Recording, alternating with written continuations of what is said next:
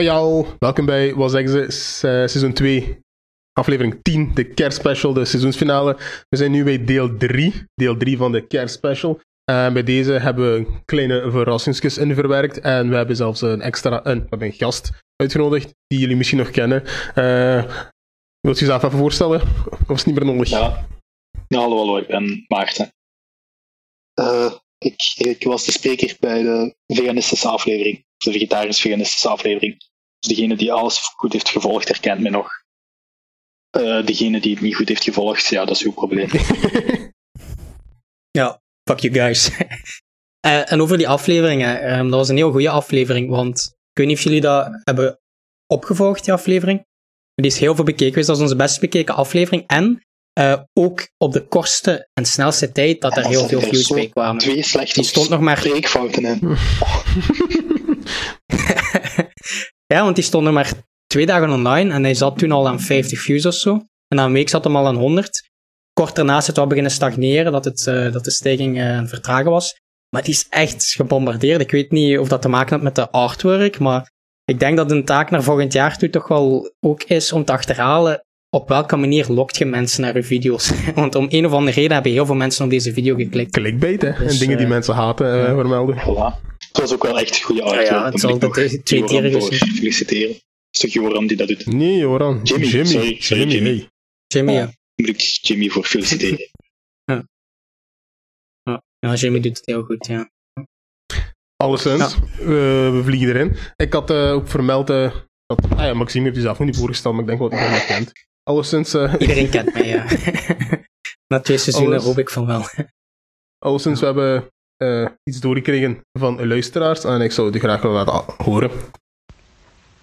Hey, wat zeggen ze? 2020 was voor iedereen een heel bijzonder jaar. Ik heb er proberen iets positiefs van te maken, ondanks dat er mensen natuurlijk ziek werden. Ehm, heb ik het toch proberen positief te maken. Ik heb heel veel tijd gehad, namelijk voor zelfreflectie. Ik ben eh, voor mezelf gewoon rust gaan creëren en gaan kijken van oké, wat wil ik nu in mijn leven? Wat moet ik nog bereiken? Wat heb ik bereikt? Ehm, heel veel vragen gesteld met mezelf. Heel veel tijd ook voor andere dingen gehad, want we leven in een maatschappij eigenlijk waar alles gewoon heel snel gaat. Altijd moet alles heel snel gaan. En met de coronasituatie hebben we eigenlijk het geluk gehad, zeg maar, om even stil te staan en na te denken wat je zelf wilt en ook wat wilt je veranderen, beter doen. Ik heb bijvoorbeeld ook veel kunnen lezen, podcast beluisteren, zoals Wat zeggen ze? En ook nog veel andere dingen, wat mij eigenlijk positief heeft bijgedragen. En dat was het ongeveer. Bye! Nou, ik wil alvast eh, deze vriend, eh, vriendin en eh, luisteraar van de podcast eh, bedanken voor zijn inzendingsje. Eh, dat was eh Moza. En hij had gesproken over hoe zij wat eh, 2020 heeft beleefd. En vooral Mhm. rust gepakt en kunnen nadenken. En als mijn vraag, wat heb Ja. jij van 2020 gele- allee, geleerd of geleefd? Dat is een heel moeilijke vraag, omdat dat een heel raar jaar is geweest voor mij. Allee, ik was het eerste jaar bezig in mijn huisartsenopleiding. Dus het was sowieso al een raar jaar. Eh, wat dan een soort van kort is gevallen. Eh allee, kort gevallen. Het is, ik heb een half jaar echt normaal huisarts kunnen zijn, eer dat de corona-episode begon. En toen was ik eigenlijk een veredelde telefoonhulp. Dus dat ik echt twee, drie maanden een stuk telefoons heb moeten opnemen in plaats van sociale contacten onderhouden of eh, mensen in persoon zien. Voor mij was dat heel vreemd. Eh, Ja, ik had je druk. in het begin, ja, in het begin heel. Eh, gewoon ook omdat het heel veel maatregelen waren die er niet waren, heel veel attesten. Eh, de drukte kwam ook puur bureaucratisch, niet van mens, veel mensen die, veel vroeger, maar mensen die een attest nodig hadden omdat, het werk, omdat ze niet mochten gaan werken. Eh, een werk dat dichtging en daar moesten ze een attest hebben om geld te kunnen krijgen, anders gingen ze zonder eh, ja, geen geld meer krijgen. Dat is hoe het werkt.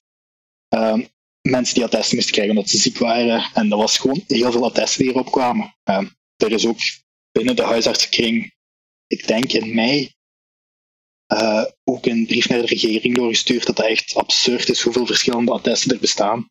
Eh, bijvoorbeeld voor de ziekenkassen heb je elke ziekenkas heeft zijn eigen attest. Ehm, als je een fout invult, ja, dat is, dan baalt de patiënt ervan, want die krijgt geen uitkering. Nee, juist. Uh, ook sommige, sommige bedrijven hebben een eigen attest, waaronder, ja, ik, werk, ik werkte toen in Genk. Het ziekenhuis van Genk, wat dan een medisch bedrijf is, heeft een apart attest. Dat is, dat is heel vreemd. Uh, en dat maakt die situatie echt absurd ja. qua papieren. heb je veel moeten dokteren? Uh, zo goed als, ja, niet, niet echt eigenlijk. Ja, want ook vragen dan, want je zei dat je drie maanden eigenlijk vooral telefoons en zo hebt moeten doen. Ja. Omdat je dat sociaal contact niet had, heb je dan het gevoel dat die drie maanden, want dat is ook een soort opleiding tot huisarts. Hè? Je begint dan toch, als ik het goed snap. Um, heb je dan het gevoel dat die drie maanden tijdversprongen zijn geweest? Dat dat drie maanden zijn die ja, je niet meer nee. terugkrijgt? Ja, dat zijn drie maanden waar je geleerd telefonisch consult doen. Dat is iets wat dat in de huisartspraktijk niet was ingebakken. Dat zit er nu wel in. Uh, dat is iets dat er nu ook meer en meer gaat gebeuren. Dat er mensen zijn dat ze zeggen van ja, je mag telefonisch een test maken. Uh, zonder dat je een patiënt gezien hebt, met bepaalde omstandigheden. Oh, is wel nice. Uh, dat is wel nice, want anders ja. moet je altijd zo op en af gaan. Je, bent verkou- uh, je hebt griep, je kunt twee dagen niet thuis, het huis niet uit, je bent niet meer werken gaan, je hebt een test nodig. In principe moet dat, zou dat even goed kunnen werken als je telefoon speelt. Hè. En oké, okay, het kan zijn dat jij volle bak liegt. Hè. Maakt het uit, want je kunt ook in persoon voor mij komen zitten, zeggen dat je niet bent gaan werken en dat je ziek bent. En, ja, dat is waar. Dus... Liegen tegen de dokter, fijn Oké. Okay. Maar die komt ook online of via telefoon. Uh, nou, dus qua impact, ik denk dat dat voor mij later wel nut gaat hebben.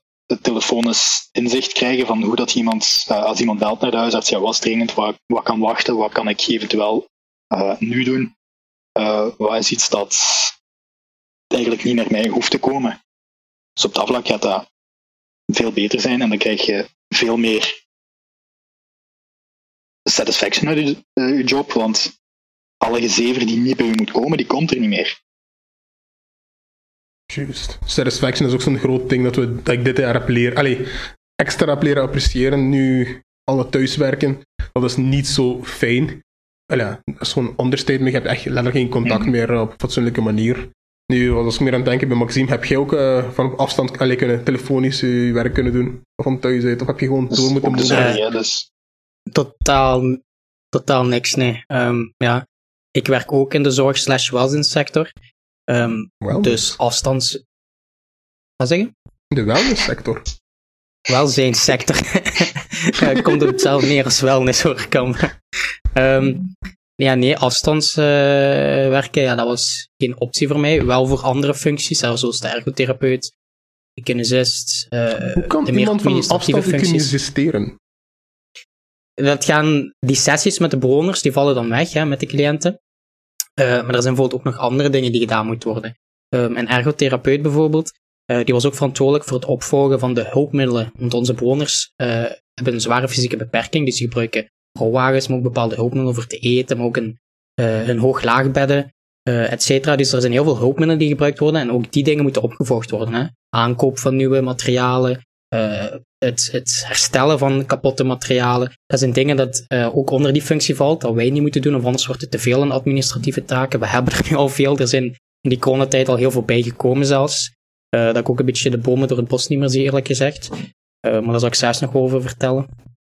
Um, ja, en dat was dus geen optie voor ons. Bij ons is het werk eigenlijk gewoon verder gezet, zoals het al in het begin was, maar dan alleen drukker en nog zwaarder. Want vroeger was het zo, door. Uh, uh, nee, maar er is wel nu recent tussen de vakbonden en de sector en de partners uh, een akkoord afgesloten, eindelijk na heel lang onderhandelen. En dat akkoord is toch wel redelijk positief. Toen ik het las, wat er allemaal afgesproken is in dat akkoord, ze hebben op het laatste moment nog heel veel dingen kunnen bijduwen. Ik, ik ben ook vakbondsafgevaardigde. recent waren het sociale verkiezingen op mijn werk, dus ik hoor, ik hoor ook via via en achter de schermen wat er nog allemaal besproken is geweest op het laatste moment. Dus ik was eigenlijk wel verrast. Want wat ik las wel allemaal binnenkrijgen, ja, ik had niet gedacht dat dat nog ging lukken. Maar hoe dan ook, uh, echt van de werkgever zelf extra geld, ja nee, dat is geen optie. Um, onze werkgever die staat nu al in het rood. Die hebben nu al een tekort. Uh, die hebben meer uitgaven dan dat die inkomsten hebben. Omdat ze aan de vragen en behoeften van de bewoners zullen blijven voldoen. Het komt er ook op neer, die budgetten die bewoners hebben, die zijn niet toereikend genoeg om de zorg te krijgen die ze effectief krijgen. Ze krijgen meer zorg. Um, tuss tussenin. Het is eigenlijk een privéinstelling in de zin van het is zelf opgericht. Het is lang geleden begonnen door iemand die dat zelf heeft opgericht en dat is dan zo door fusioneringen en samenvoegingen van andere instellingen is dat tot vandaag de dag een these geworden. Ik ga niet heel die geschiedenis uiteenzetten. Dus in die zin is het privé. Um, maar elke bewoner uh, of elke persoon die een beperking heeft en die een budget aanvraagt, met dat budget koopt hij zorgen. Uh, dus uh, met dat budget gaat hij aankloppen bij een voorziening en zegt hij, kijk, ik heb dit budget, kan ik hier een kamer krijgen? maar ze betalen niet letterlijk voor die kamer. ze betalen eigenlijk voor de zorg, hè, dus voor wij de begeleiding. Wij worden betaald met die budgetten. Maar de zaak is zo dat die cliënten niet een hoog genoeg budget hebben om 7 op 7 zorg te krijgen. Dat die eigenlijk sommige dagen nog thuis zouden moeten zitten, maar dat gaat niet, want die ouders zijn al heel oud. Met als gevolg dat die bonus ook effectief 7 op 7 bij ons zitten. Met een budget van, ik zeg nu maar 4 op 7 of 5 op 7. Dus wat doet een these om ervoor te zorgen dat die eten krijgen die dagen en dat die niet op straat staan? We geven gewoon die zorg, maar dat wil dus wel zeggen dat een these zelf moet bijschieten. Dat zal begrijpen. Dat die zelf extra geld bijschieten om die budgetten, dat die bonus tekort komen, eigenlijk uh, dat te verhogen, zeg maar. Maar heeft als gevolg, na, ja, jaar na jaar, dat uh, ja, een TESA toch wel aan het hoofd kwam te staan, toch wel een, uh, een schuld heeft. En dat is niet alleen bij een TESA, er zijn meerdere voorzieningen die dat zo doen. En heel de ironie van dat alles is, ze moeten het doen. Want er is vanuit de overheid een soort zorggarantie opgelegd. voorzieningen moeten er alles aan doen aan, dat de cliënten die onder hun bewind vallen, die onder hun zorg vallen, dat die alle zorg krijgen dat die nodig hebben. Uh, maar het ding is, is... zeggen dat jij essentieel bent? Ja, ik zou dat wel zeggen. Als, als we het hebben over dat corona de aandacht heeft gebracht naar meer menselijk contact, um, dat het zorgen voor elkaar, dat dat op de achtergrond is geraakt over de afgelopen jaren, um, dat consumptie de plaats heeft ingenomen van uh, menselijk samen zijn, van, van ja, ik ga nu als een conservatief klinken, in de plaats komen van tradities, gewoontes, waarden en normen. Maxime, dit is niet de DVL, uh, er is van een podcast. ja, uh, hangt er natuurlijk vanaf wat je bedoelt met die termen. Hè. Um, dan, ja, dan zou ik wel zeggen dat mijn beroep essentieel was. Zeker, uiteindelijk, waarom is de coronacrisis begonnen? Dat was om de oudere mensen te beschermen. Ah, zo, ah, zo bekeken. Zij zijn de grootste risicogroep. Niet de enige risicogroep, maar wel de uh, grootste. En dat deden we om te zeggen, we hebben gezamenlijk als samenleving gezegd, nee, we gaan die mensen daar niet voor opofferen. Want eigenlijk kun je jezelf de vraag stellen vanuit een kostenbaatanalyse. Als je zo'n analyse zou gebruiken, zou je zeggen van, ja, we laten een aantal ouderen sterven. En er zijn mensen die dat zeggen. Er zijn mensen dat zeggen. Maar dat is ook vanuit een kostenbaten voordeel- en nadeelanalyse, zou dat de slimste optie geweest zijn. Maar toch hebben we als samen gezegd, nee, we doen dat niet. Dat is wie eerst. Ja, wie vaccineert eerst. Ja. En het is vanuit die gedachte, als de coronacrisis daarom begonnen is, om uw medemens te beschermen, dan ja, dan is mijn beroep essentieel. Zeker omdat mijn beroep mm. nog meer onder druk komt te staan door die coronacrisis. Nu, je hebt gezegd dat er te dus- weinig geld is en je noemt jezelf essentieel. Uh, wat denk je dat jullie nodig hebben? Is een beetje meer applaus of zo? Of, uh... Het ding is, is uh, bijvoorbeeld, je hebt nu de akkoord. Applaus, ja, dat applaus, man. Ik, uh, ik heb dat toen ook gezegd, hè. voor dat applaus, uh, daar ben ik nooit echt warm voor geweest. Ik vond het wel fijn dat mensen het deden. Maar ja, ze doen het niet meer. En ik weet ook dat het op termijn vergeten gaat worden. En het is ook niet dat ze deden voor heel deze crisis. Terwijl we eigenlijk toen aan hetzelfde mhm. schuitje zaten. Maar hoe dan ook. Ja, als ik dat... Ingezien, ja. Is dat ingezien? Ik weet het niet. Is dat gewoon op het moment zelf? Je ziet dat telkens tijdens oorlogsomstandigheden, laat ik zeggen, of crisissen, dat mensen zich samenklitten uh, tegen een gezamenlijke vijand. Uh, maar dan na een verloop van tijd verdwijnt dat weer. Als je kijkt naar Wereldoorlog 2, dat was exact hetzelfde aan de hand. Je hebt het ook na die Tweede Wereldoorlog dat, dat de leiders, de politieke leiders internationaal zeiden, dit nooit meer. Uh, vooral in uh, West-Europa, Frankrijk en Nederland zijn te vaak in elkaars haren uh, gelegen geweest. We gaan er een stop in zetten, we gaan iets verzinnen dat ervoor zorgt dat die landen niet meer op die manier kunnen concurrentiëren met elkaar, dat dat weer tot oorlogsconflicten leidt. Nee, we stampen een politieke unie uit de grond. Zover was het nog niet begin. Begon eerst met de Europese Economische Gemeenschap. Maar, um... Dit is wel slikken, Maxime. Elke aflevering tenminste een beetje Europa ophemelen. Forceert er altijd ergens tussen. Maar ik was vroeger heel fel uh, anti een ja, confederaal Europa-ish. Ik was daar toen ook heel fel tegen. Maar de laatste tijd ben ik heel veel veranderd in die mening. Uh, wegens het lezen van meer literatuur en meer uh, ja, historiek rond heel die Unie. Eh, maar ja, daar gaan we Nee. niet... eh, Ja, let me circle back eigenlijk, als ik mag. mhm. Eh, Ja. Mijn vraag was van hoe is 2020 voor jullie geweest? Jullie hebben nu vooral besproken uit uw werkomstandigheden. Mijn vraag, vanuit persoonlijke omstandigheden. Wat heb je geleerd of genoten of gemist? Ja, Nou, Maarten, moet ik eerst laten, je omdat mocht ik net gebabbeld ik ben nog even aan het nadenken, dus... Ja. wat ik het meest Ik geleerd weet heb. wat ik geleerd heb. Wat? Vooral dat je... Eén ding wat... Ja. Ja, nee, zeg maar. Sorry, dan ga ik eerst laten. Nou, doe maar, doe maar. Oké. ehm, wat ik geleerd heb, ehm, vooral dat we deze crisis en heel deze omstandigheden niet mogen verle- eh, vergeten. Ehm, want waar ik het nu het scheid van krijg met de kerstomstandigheden en, en eh, al die kerstboodschappen, filmpjes op sociale media, iedereen zegt hetzelfde. Iedereen zegt, jongens, eh, binnenkort zijn we er vanaf en dan gaan we deze hele nare periode vergeten en achter ons laten en dan gaan we weer alles doen zoals normaal is. Dat hoor ik mensen letterlijk zeggen in Terug elke kerstboodschap die ik zie. Maar zelfs die zijn niet eh, terug naar het normaal. Van mij mag het terug naar het normaal gaan, maar we moeten niet doen alsof alles terug normaal is en we moeten het ook niet vergeten. Eh, het laatste wat we nu zouden moeten doen is deze periode vergeten, omdat ik nu heel goed heb gezien hoe fel het kan misgaan. En corona, ik, ik ga heel eerlijk zijn, ik, ik ben op weinig vlakken paranoia, ik heb voor weinig vlakken angst, maar nu met die coronasituatie heb ik wel angst gekregen naar de toekomst toe. Ik geef dat heel eerlijk toe. Omdat ik nu met de schrik zit dat ik ooit op een dag kan wakker worden en dat ik lees in een nieuwsartikel of een, eh, of een eh, melding binnenkrijg van een van mijn abonnementen, dat er in één keer staat dat er een nieuw virus opgedoken is. Of erger nog, dat dat een veel zwaarder virus is of een veel dodelijker virus dan corona. Dat is een realiteit. We hebben eigenlijk nu een beetje het geluk gehad. eh, om het even heel ongenuanceerd te zeggen, geluk, hè. Dus aanhalingstekens. ehm, dat corona nog niet het ergste was wat we hebben meegemaakt en wat we nog zullen meemaken. Dat, En daar heb ik schrik voor. het is ook zelfs erg, omdat het niet zo erg is. Doen alsof het niet zo erg is. En laat het erger worden. Ja. Als je dat kan volgen. Maar daar heb ik dus spiegel, want op zich, ik wist die dingen al. Ik was al een linkse rat, dus ik wist wel dat die dingen mis konden gaan. Maar het is toch wel wat anders dan enerzijds daarover spreken in een podcast en, en heel, heel eh, eh, ja, lichtelijk is daarover babbelen en, en weten, of ja, doen alsof dat je weet hoe ernstig het zou kunnen zijn als het gebeurt, dan het effectief meemaken. En nu hebben we het effectief meegemaakt. Heel de samenleving op slot, bijna geen contact meer. Eh, Voor heel deel mensen moet heel je leven herschikken. En ik hoor dan heel die discussies met al die café-uitbaters, eh, heel de horeca, die allemaal terug open willen. Maar dan denk ik van, ja, wat verdikken. Als morgen in één keer alles gedaan is, als die vaccinaties er zijn, bij wijze van spreken, en bijvoorbeeld, ik zeg nu najaar of zo, langzaam, dat dan pas de stappen teruggezet worden om terug alles open te doen. Ehm, Yo, maar ja, nu- en dan in één keer, en, je, je zegt, positief gezien. ja, maar je zegt nu wel even, als alles goed gaat, gaan de dingen pas terug open in het najaar. Weet je hoe begrijp dat klinkt? Alsof je nog een heel jaar nog binnen mocht zitten.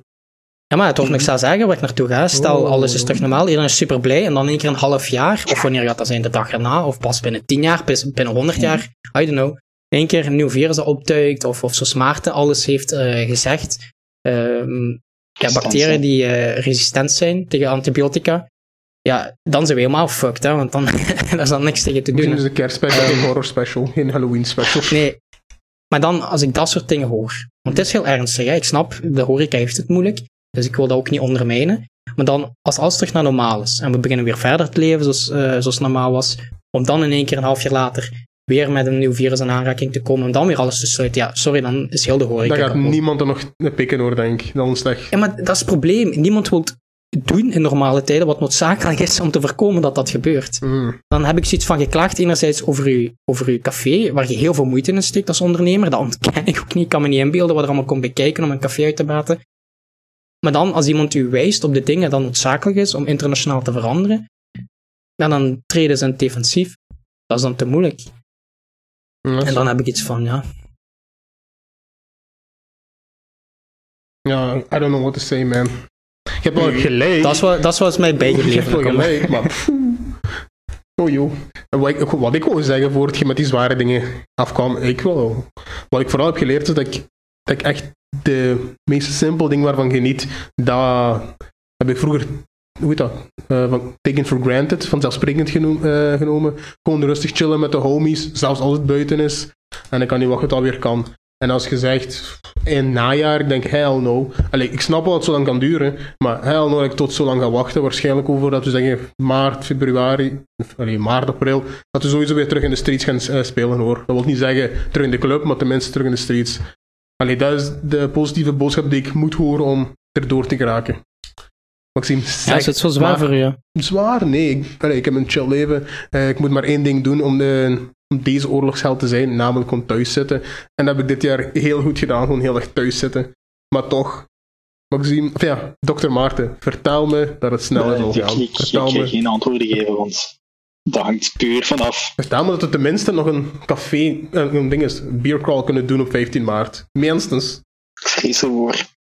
Ja, dat Twijfel is twijfel ik aan. Aangezien dat we op dit moment niet voldoende vaccins hebben. Het spijt me, kan maar. Oké. Eh, S- Soundguy, verwijder eh, de afgelopen hele minuut. Dit hebben de mensen niet nodig. ja. ja, maar het is zo, hè, want Maarten zou wel kunnen beadem, eh, beamen. dat eerste vaccin, Pfizer was het, hè. Dat moest twee keer toegediend worden, hè, voor het vooraleer de effectieve, effectiviteitsgraad heeft van 90%. Dus eh, ja, dus inderdaad, Maarten zegt zelf, er zijn niet genoeg vaccins, maar dat is dan nog de eerste eh, twee doses voor een aantal mensen, als ik het goed begrepen heb. En dan zijn er nog mensen die ook nog die twee doses moeten krijgen, dus dat zou dan ook nog aangekocht moeten worden. Dus eh, Om terug te gaan naar Rakama's vraag. Ehm, wat heb ik geleerd? Nu, voor mij is er doorheen het jaar heel weinig veranderd. hè. Ik zei wel van telefoons op mijn werk. Maar ik was nog altijd bevoorrecht om naar mijn... Allee, bevoorrecht, ik zet dat tussen aanhalingstekens. Maar ik mocht nog altijd naar mijn werk gaan. Ik moest nog altijd werken. Ik zat eh, nog altijd vijf dagen van de zeven zat ik op mijn werk. En de andere twee dagen zat ik op een appartement. Mijn vriendin hier. Dus leven voor mij was pretty much the same, behalve dan dat ik niet kon uitgaan of niet ergens naartoe kon gaan. Dus ik zat niet. Ik zat niet vast, allemaal vrij ik zat niet vast binnen. Hè. Ik moest niet Allee. binnen blijven, omdat ik, allee, ik- Jij moest van thuis uit werken, kan, maar ik, ik niet. Bij mij was dat onmogelijk. Maxime gaat dat ook gehad hebben. En dat heeft ervoor gezorgd dat er voor mij in mijn leven Ja. weinig impact is geweest. Eh, wat ik wel merk is hoe de impact eh, veranderd is voor eh, hoe dat aan andere mensen was. Vanuit, allee, als ik kijk naar patiënten uit, hetgeen wat mij het meest is opgevallen, dat is heel gewoon, en nu ga ik weer ook links gaan, is hoe sociaal ongelijk de wereld is. Yo, had, Nee, daarvoor maar niet wachten tot is de dat lockdown. Hè. overduidelijk geworden. Hè? Dan mensen, ik ga Ja. nu even u als voorbeeld nemen, kan, maar jij komt rustig thuis zitten, werken, veilig zetten. Heel veel families, ik zit nu wel in Genk, Genk is wel een eh, plaats waar dat veel eh, arbeidersfamilies zitten. Die mensen hadden schrik, die durfden niet te gaan werken, maar die moesten werken omdat ze anders geen inkomen hadden. Eh, Ja, maar je in het begin of bedoelt je nu nog altijd? het begin en dan in oktober terug even, of eind september terug, omdat die terug inzagen van het begint terug te stijgen. Eh, mijn werk is niet veilig. Wat moet ik doen? Terwijl de niet-arbeiders, die zaten thuis, die, de mensen die van thuis eh, konden werken, zaten thuis, die zaten veilig. En je merkte echt gewoon puur aan de mensen die aan de lijn had, zelfs die je in real life zag, hoe het verschil, hoe uw werk, hoe uw sociale omgeving of uw economische omstandigheden impact hadden op uw gezondheid bij corona. En ook meer infecties bij arbeidersfamilies. Dus dat, dat was En had je ook mensen in de omgeving, of dat je het idee kreeg van mensen die naar u komen, van- met- allee, of naar u komen of die bellen voor iets, maar het nog steeds dat die niet echt geloven dat corona ernstig genoeg was. Dus die, die bellen u en nog eh, ontkennen ze het een Eh, beetje. Absoluut. Wat zeg, wat zeg je dan? Of zeg je dan, ja, ik kreeg geen briefje, blijf Ik ben bij één iemand effectief gewoon kwaad maar- geworden. En ik zei dat je, die moest, die had symptomen. Dus ik zei, ja, je moet die laten testen. En die zei van, ja, ik ga me niet laten testen, want dan moet ik twee dagen in quarantaine. Waarop mijn reactie was van, ja, dat is bullshit, want je hebt symptomen, je moet gewoon nu twee weken in quarantaine. Het is oftewel twee weken quarantaine, oftewel of je laten testen en twee dagen in quarantaine. En Dus, eh, die getest? zich uiteindelijk niet laten testen, is niet in quarantaine gegaan. En dan zit je daar weer met die Oh, onmacht van, ja, hier probeert je Nee, nee, nee, gewoon, call, hallo Ja, maar- police, I got this. Nee. Dat is dan inbraak op eh, Maar ja, privacy, ja. je mocht niet Voilà. snitchen. Dat zouden we allemaal moeten weten. Snitchen doet hij niet. Ja, dat is wel moeilijk dan, hè. Ehm, Pas op. Allee, jullie niet. Jullie mogen dat niet. Voor ons is dat deel van, de van ons werk, maar oké. Anyway, eh also, nee, doe mogen maar. niet zeggen. Anders ook gewoon direct overgaan naar het volgende punt. Ehm, ik en Maxime hebben de kerstspecial deel 1 en 2 ingesproken. Nu mijn vraag, heb je kerstspecial deel 1 en Ik deel ze 2 al gehoord? gehoord. Wat vond je ervan? Oh shit. Ik Snel eh, eigenlijk. Quick boy. een goede, een zeer uitgebreide samenvatting van wat er dit jaar gebeurd is. Thanks to Maxime. En zijn 25 pagina's. Uitgebreid, ja. 27 deze man. Ja, 27 ongeveer. En dan, dat is nog ingekort. Ja, er is, eh, we hebben daar iets uitgelaten, aan Maxime. Essentieel thing, hè. Ja, voilà, zat er niet in. Ik had achteraf pas door en dacht, Maxime, allee, dat is de hoogtepunt van het jaar. ah ja, Ja. voor je gemoedsrust, eh, gemoedsrust is in België. Het is, alles is in orde. Allee, kom. Dus voor de luisteraars maak je geen zorgen meer. Ja, maar ja, ik ga er geen grappen over maken, omdat heel mijn tijdlijn staat al vol van waarom het zo cynisch is dat daar zo fel op gefocust wordt vanuit de media. Dus eh, ik denk dat het vanzelfsprekend is waarom dat echt belachelijk eh, nieuws is. Hmm. En, Fijn voor haar, hè. ik bedoel, eh, voor haar allemaal goed, hè. maar zo zijn er nog duizenden en één verhalen, maar die worden niet belicht in het nieuws. Dus eh, ja, andere mensen hadden al het contrast eh, gesteld, hè. Met die truckers die vastzaten in hun eh, cabines van hun eh, vrachtwagens. Met heel de Brexit-gedoe en eh, die nieuwe besmettelijke variant van corona. Dus ja, ja, mensen hebben al duidelijk gemaakt waarom die splitsing zo heel vreemd is. Ja. Voor de rest, wat heb je... Tot aan, eh, Maar wat vond je nog van de kerstspecial? Er was er nog vergeten misschien. Want eh, er was gewoon te veel om over te spreken, denk ik. Ja, wel, ik, ik heb het nieuws niet altijd gevolgd, omdat ik het voor mijn ogen te fel vol stond dus met corona. En voor mij dat altijd niet relevant was, omdat ik via andere bronnen ook vaak het nieuws kreeg. Ja, als ze daar beginnen over cijfers, ik kreeg die cijfers via andere. eh, Ja, je zei toch eh, een heel tijdje terug dat jij je, je, je instructies rond eh, wat dokters moesten doen back in the Ja. day, dat jullie die kregen Ja. via het nieuws. Dus wat je talking about ja, we kregen cijfers, kregen we wel, dat is Cienzano. Dat zijn ook alle cijfers in het, eh, die ze doorgaven, waren ook, die ze via het nieuws doorgaven, waren ook via Cienzano gekomen. Dat is gewoon eh, de Belgische overheidsdienst die dat opmeet. Eh, wij kregen dan rechtstreeks de gegevens en dat ging via de media. Voor de rest. Eigenlijk, jij kon daar ook gewoon op, hè, maar bij niet-medische professionals ja, is dat niet echt interessant. Uh, maar alle ge- regels die door de overheid werden opgelegd, of alle nieuwe lockdown-strategieën, dat kregen wij ook gewoon te horen via het nieuws. Dus dat was ineens uh, een bericht van: ja, hey, uh, vanavond om 7 uur gaat alles in lockdown. Oké, leuk. Uh, wij weten van niks. We ik weet niet hoeveel dingen opstaan. We moeten al die mensen nu in één keer bellen om te zeggen: ja, je kunt niet afkomen. wat is er aan de hand? Oké, okay, ça va. Uh, maar dan ook dat ze afkondigen van alles gaat terug open. Mits dat alles beveiligd is bij de huisarts. Maar als je dan niks beveiligd had, uh, omdat je zo, sowieso alles telefonisch moest doen ervoor. Ja, dan moet je ineens ervoor zorgen dat je tegen de volgende dag heel je uh, kabinet beveiligd had. En dat was absurd. En daar vond ik qua overheid uit slecht gecommuniceerd dat ze daar via andere manieren eerder naar arts hadden gecommuniceerd van dit gaat er gebeuren voor jullie. Bereid u voor. En dan kunnen we dan gewoon twee dagen later wachten en zeggen oké, dit is voor de mensen. Ja, dat is ook wat we hebben aangehaald in de vorige twee delen van de kerstspecial. Hè? Dat men zo last minute uh, de beslissing heeft gemaakt, omdat men heel lang het probleem heeft onderschat.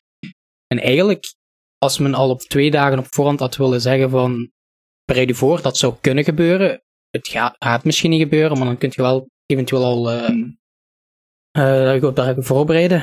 Um, maar ja, dat hebben ze niet gedaan, omdat ze niet dachten dat dat op het laatste moment ging moeten gebeuren. Ze hebben echt letterlijk tot de laatste minuut uh, Nee, zitten ik- pushen. En, ja. Ja, maar ja, Ik, ik weet nog, ja, ja Maxime, sorry. ik weet nog van maar, vlak voor de eerste lockdown begon, eh, dat er patiënten naar me toe kwamen met berichten van ja, ik heb via via gehoord, zo heel douche. Eh, een, een neef van mij heeft getoond, heeft een ja, WhatsApp-groep getoond en er zat iemand in die voor de overheid werkt en die zeggen dat ze een lockdown gaan gaan op die datum. Oh, we moeten ons voorbereiden. ik herinner me dat nog en ik was er toen heel sceptisch over. Wat voor bullshit is dit? Allee, heel het verhaal. Mijn neef zit in een WhatsApp-groep. Hm, ja. Uh, en dan effectief komt die datum en dan is het in één keer lockdown. Dat, dus en hoe, zou die dan via via iemand gekend ja, hebben? Dat die neef die zat dan in een Ja, WhatsApp zo groep nu. waar Iemand van de iemand mee zat die in de die mee was bij de onderhandelingen. Waarschijnlijk niet politiek, maar iemand die er dan bijgewoon was via om andere redenen. En die dat dan Nou, weinig Ja. discretie eigenlijk, hè. Zo, zo. ja, Maar ja. Maar, ik, dat je het dan op die manier moet horen. Ja. maar je zegt zelf iets van eh, dat dat allemaal plots en snel eh, last minute gebeurt. Ik weet niet of je eh, gisteren heb je het nieuws hebt gevolgd, maar over last minute gesproken, de koning van last minute is nu toch wel eh, Boris Johnson met zijn Brexit deal.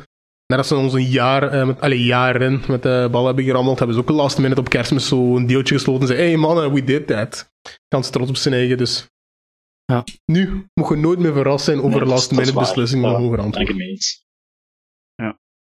Maar zo ziet je maar, als men beu is, dan eh, doen ze het gewoon uiteindelijk. Hè? Want ik zag op het nieuws uiteindelijk, toen ik, eh, want ik heb bij kerstavond en kerstdag ook moeten werken.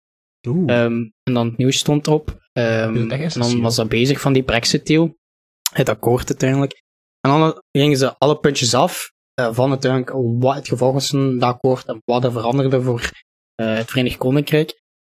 En bij elk puntje dat ze afgingen, had ik zoiets van: Bro, dat kon je ook gewoon binnen de Europese Unie. dat was ook toegelaten, dat ging ook allemaal. En dan heb ik iets van: oké, de Europese Unie heeft onder andere toegegeven op die visserij. Eh, ze mogen nog vissen in die wateren voor vijf jaar. Daarna moet het herbekeken worden en wat ze gaan doen voor de vissers en hoe ze die gaan helpen. Heel vaag allemaal. Dus op dat vlak hebben ze dan eindelijk toegegeven, terwijl dat juist een heel groot heikelpunt was waar ze nooit uitkwamen. een groot En op al de andere vlakken heb ik iets van, er verandert niet veel voor Groot-Brittannië. Of ja, eerder Verenigd Koninkrijk. Groot-Brittannië is er onderdeel van. Eh, en ook, ook al verandert er niet echt veel, ze verliezen wel een aantal belangrijke dingen. Pak nu bijvoorbeeld eh, het Erasmus-programma. Eh, omdat ze nu Ja. uit de Europese Unie vallen, hebben ze die financiering niet meer. Dus moeten ze dat allemaal zelf gaan betalen. is veel te duur. Dus eh, boeken dat op. Terwijl dat juist een heel belangrijk iets is Ja, voor de internationale maar samenwerking. Maar jij zit zo'n elite die gestudeerd heeft en die daar interesse in heeft. Niet iedereen boeit dat of je op Erasmus kunt gaan of niet. Hè. Ik denk voor studenten wel. Ja, maar dat is maar zo'n een klein dingie.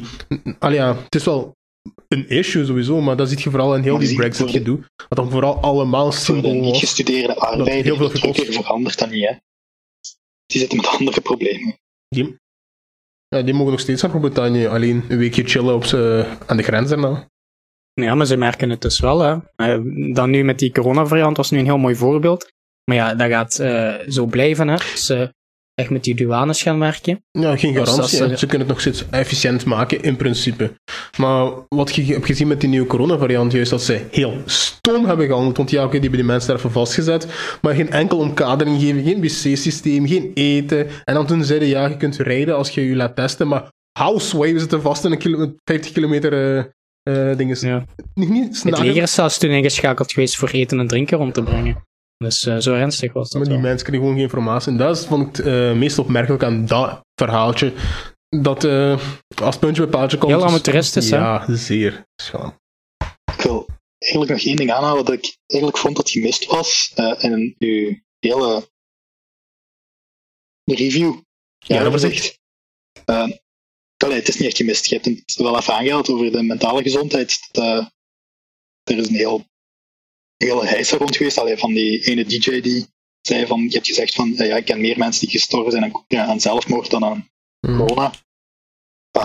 Ik vind dat heel interessant dat dat nu eindelijk eens een aanmerking komt, ook naar jongeren toe, dat die jongeren eindelijk worden gezien van eh, ja, we hebben ook mentale problemen, voor ons is het ook zwaar. Ik heb dat allemaal aangehaald. Eh, ik vond dat heel interessant, omdat je vorig jaar met Joran, met, ah, ik weet niet wie dat de spreker was, Jasper was Joran. En Jasper, Jasper. Ja, Jasper, ja. die dat toen ook al aanhaalde. En ik- ik vind dat een belangrijk punt, dat we nu in België zien, allee, waarschijnlijk wereldwijd, maar in België ook al, van mentale gezondheid is belangrijk, ook bij jongeren. Ehm, Ja, dat klopt, maar Ben Wijd zei dat die jongeren allemaal profiteurs zijn en die klagen te veel. Dus ik weet het niet. Uh, he said that. Ja, hij het gezegd dat eh, corona een Hmm. catch-all excuse eh, is voor jongeren om minder schoolwerk te doen, Ja, wat doe dat maar. Als je, Hey, toe, Ja. toegeven, het is kut. Maar ja, wat wilt je? Je kunt niet iedereen, eh, allee, je kunt niet iedereen hoe je dat, eh, mentale zorg gaan aanbieden nu om ze allemaal thuis te zitten. Het is wel opmerkelijk en belangrijk om erover te spreken, maar ik snap niet hoe dat je zoiets kunt aanpakken ergens. ja, nee, ik denk ook niet dat we iets acuut kunnen aanpakken. Hè. Het is niet op dit moment, maar dat dat wel naar verandering naar de toekomst toe van. Eh, misschien moeten we wel letten op eh, mentale gezondheid en moeten we wel zien van, hey, hier is iets mis eh, en daar ga ik graag. Het is een van mij dat ik hem even aanhaal. Conor Rousseau is wel daarin mee. En dat is belangrijk, want dat is een politiek hoofd van een partij. En hij En is hij jong. is jong, hij is down met Dus- de kids. Hij kan de jongeren worden nog equatorisch. 50 als hij nog 50 jaar in de politiek zit, dan, ja, dan, kan er effectief iets in veranderen. Stel je voor dat hij 67, 77 dan zou zijn. En nog steeds rondloopt in zijn witte patas eh, en iedereen simp noemt. En matekes. Maar ik ben legit benieuwd of hij ja, een van de, hoe zeg je dat, eh politicers gaat worden die zich ook nestelt en voor lange tijd echt daar zijn eh, Waarschijnlijk zijn wel. hè. carrière van maakt. Dat is de Eh, game, heb ik gezien. Ja, maar je hebt politici waarvan je ziet van ja, die gaan er niet in blijven zitten. Eh, die gaan het ook niet volgen. En je hebt politici daar, die er echt hun hele leven een job van maken. Ehm, ik ben gewoon benieuwd om in de toekomst, want hij is nieuw. Hij is eigenlijk onze leeftijd ongeveer toch wel, 27 of zoiets is hem. Dus op zich is dat een leeftijdsgenoot. En het is dan interessant als wij opgroeien en ouder worden, om dan jaren later, als hij dan nog steeds in politiek zit, te kunnen terugkijken. De evolutie die hij heeft meegemaakt. Dus ik ben benieuwd. En ik hoop ook wel dat hem groeit en evolueert. Want eh, ik ben redelijk kritisch ten opzichte van hem. Ik ben niet bepaald een fan van Conor Rousseau. Ehm, ik heb hem wel in het begin heel veel kansen gegeven. Maar hij heeft al heel veel uitspraken gedaan waar ik het moeilijk mee heb. Maar ik wil wel dat de SPA en de socialisten het beter doen. Ik wil dat effectief. En ik merk ook aan de, aan de, ja, aan de polls, hè, de, de ehm, ja, hoe noemt je het? Ehm, de popularite- populariteitspolls. dat hij wel vooruit in het gaan is. De SPA 2 tot 3 procent in de laatste peiling. En ook eh Conor Rousseau staat op derde vele plaats van populairste politicus. Dus ik wens hem het wel toe, want ik wil dat de so- socialisten beter doen. Als dat inhoudt dat Conor Rousseau bepaalde dingen moet doen waar ik het moeilijk mee heb, maar dat wel aanstaat bij de mensen, ja, dan is het zo. Ja, dan moet ik me daarbij neerleggen. Ehm, ja. Maar over dat me- mentaal welzijn, dat we niet afwijken. ehm, ik, ik ben het oneens met het feit dat er gezegd wordt dat er niet veel aan te doen is. Misschien structureel, beleidsmatig, niet zo heel veel, buiten de nodige investeringen in, in de laagdrempelige hulp, eh, waar, Dus- waar veel jongeren met uh, Dat mentale en psychische het problemen terechtkomen. is op termijn. Is, alles wat je nu investeert, gaat Mhm. nu, nu de Ja. werking gaan. Ja, ja, want dat is wat Jasper toen ook had gezegd in die aflevering. Eh, maar wat ik wel denk is, de hele tijd op die hamer kloppen en zeggen van stop met tegen jongeren te zeggen dat ze Mhm. zagen, dat ze wereldvreemd zijn, eh, dat hun problemen niks voorstellen eh, en dat hun gevoelens, ik heb het ook gezegd in de, het jaaroverzicht, dat ze daar niet over mogen praten. Het moet dus door tijd tot we snel accepteren dat jongeren heel gevoelig zijn voor de problemen die rondom ons gebeuren en dat we moeten stoppen met doen alsof jongeren maar volwassen moeten zijn, whatever that means. Eh, en zo gezegd maar geen tranen mogen tonen en, en geen verdriet. En eh, ja, zoals het vroeger was met de oude rolverdeling. Be a man. Eh, durf niet om, om te wenen. Durf niet om gevoelig te zijn, om sensitief te zijn. Be a man. een beetje Be toxic. tough. Be strong. En dat kl- klinkt als heel mooie woorden, maar eigenlijk is dat heel inderdaad toxic, heel toxisch, want eh je ondermijnt er bepaalde dingen mee. Je zorgt ervoor dat sommige mensen niet kunnen groeien in bepaalde vlakken. Eh, en we moeten stoppen met dat te zeggen. We moeten eigenlijk eens jongeren de kans geven om te praten over een probleem. Het wil ook niet zeggen omdat een probleem voor ons klein lijkt, dat dat voor de jongeren of de persoon zelf klein is. Eh, we vergeten hoe het is om ons te plaatsen in de positie van iemand anders.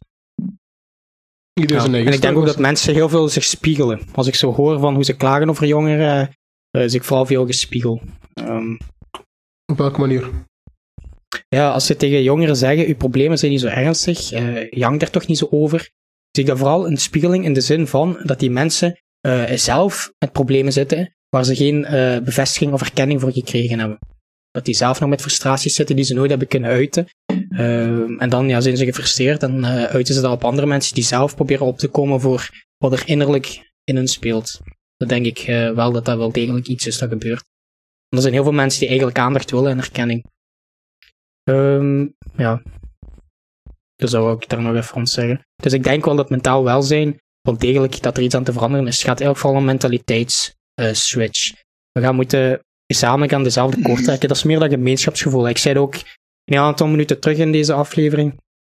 Um, van consumptie is een beetje in de plaats gekomen van dat menselijk samen zijn. Ja, zoals ik het net lekker uh, heel controversieel stelde, waarden, normen, tradities. Ik denk dat gemeenschapsgevoel is wel weggegaan. En als er één ding is, en ik ben het heel veel oneens met conservatieve stemmen en partijen, als er één ding is dat ik hen wel wil geven, iets wat NVA en CDMV veel naar voren schuiven, is die gemeenschapsvorming. Dat is het samen zijn, uh, over generaties heen, vrienden, familie, dat sociaal contact, er zijn voor elkaar, zorgen voor elkaar. Dat is wel meer nodig. En ik vind het spijtig dat het alleen in de handen is van partijen zoals CD&V en NVA, mm. Vlaams Belang. Waarom? Omdat die dat gebruiken om zich af te zetten. Ja, CD&V misschien iets minder. Maar vooral NVA en Vlaams Belang om zich af te zetten tegen anderen. En daarom vind ik spijtig dat partijen zoals Groen of SPA uh, daar nu zo een beetje uh, heel lang mee hebben gewacht om die kentering daarin te maken. Je ziet dat nu al iets meer bij maar dat is iets waar die ook meer moeten op inzetten. Je moet dergelijke thema's, zoals gemeenschapsvorming, ook al zijt jij voor een internationale samenleving, ik ben dat ook, ik ben recent heel pro-Europees geworden, dan nog moet je daarop inzetten. Je kunt, laat ik zeggen, je kunt ja, diversiteit hebben wat betreft samenlevingen in uniformiteit. Dus daarmee wil ik zeggen, je kunt die gemeenschapsgevoelens hebben, je kunt die gemeenschap hebben, die kleine groepen, en alsnog een overkoepelend kader hebben uh, dat die gemeenschappen samenhoudt. Dus ik vind dat sommige partijen aan de linkerzijde wel minder schrik moeten hebben, minder schroom om ook die identiteitsvorming en die gemeenschapsvorming, uh, om dat ook een politiek thema te maken. Dat Je moet dat niet in de handen laten van de rechtse stem. Dat is waar, dat is de grootste verdienste, of ja, uh, toonbare winsten van uh, Rousseau, namelijk, je ziet dat als je gewoon echt een menselijke mening uitspreekt, de mensen dat blijkbaar appreciëren. Hoe wordt of thought. ja. Anyway, uh, mag ik uh, naadloos overgaan naar een heel andere Je mag dat heel naadloos doen. Je mag dat naadloos doen. Niemand heeft dat gemerkt, ja. Niemand heeft dat gemerkt. Alleszins, uh, ik wil overgaan naar de bespre bespreking. Dat we eens kunnen terug nadenken over wat dit jaar in ons is geweest en wat er niet is in geweest. om zo na te gaan van hoe goed, allee, ofwel wel de vinger bij de pols houden, en ofwel de belangrijkste dingen wel benoemd werden, of de mensen wel degelijk gezegd hebben wat ze gezegd hebben. Als je wilt. Maar eerst wil ik uh, een inzending van een uh, trouwe vriend van de podcast afspelen en laten horen. Piep, piep. Hey, wat zeggen ze? Oh, verkeerde. Paaltje, foutje, foutje. Een van de positieve aspecten van 2020 is dat wat zeggen ze veel topics had om te bespreken. Ik hoop dat er nog veel guest features gaan komen, zoals met Maarten. Mijn favoriete quote blijft: De meeste mensen vinden het al moeilijk om tegen hun kameraad te zeggen: gooi niks op straat. Laat staan, vermocht de mens niet naast mij. ik vind het een goede quote. Ik, ik snapte hem eerst zelf niet. Ik heb je nagevraagd van, welke van wanneer, wie dat heeft gezegd en wanneer. En uh, toen heeft hij mij beantwoord. Namelijk, dat komt uit de aflevering van uh, Black Lives Matters en uh, Eerste Raciale Wereldoorlog. En dat was blijkbaar iets dat ik zelf had gezegd, dat mensen het moeilijk vinden om hun naasten een beetje terecht te wijzen. En uh, ik zeg dat puur on a whim, maar uiteindelijk is het wel een fine statement. Als ik mezelf zo mag uh, uh, loven. maar dan is mijn vraag, wat herinneren jullie nog uit de vorige afleveringen? Want uh, ik kan zeggen, ik, uh, als we terugdenken, de eerste aflevering van dit jaar was ergens uh, ma februari, denk ik. En dat was met mm -hmm. Mr. Gertje op oudercontact. Ja toen had ook al... Ja, zou ik de onderwerpen eens overlopen anders even. Please doen. Dus we hebben um, onze achterstand grotendeels ingehaald. Um, Yo, we hebben toch iets van een 10 episodes, waarvan Out. episode 10... Wrong, Maxime. We hebben 10 afleveringen en de laatste drie delig, dus we hebben 12 afleveringen. En ah, daar kan achterstand ingehaald. Hey. Oké, okay, achterstand ingehaald. Uh, maar inderdaad, episode 10 is eigenlijk drie delen en elk deel daarvan is individueel groot genoeg om een aflevering op zijn eigen te zijn. Dus in die zin zitten we toch aan 12, 13 afleveringen ongeveer. Uh, maar dus de onderwerpen die we hebben gehad.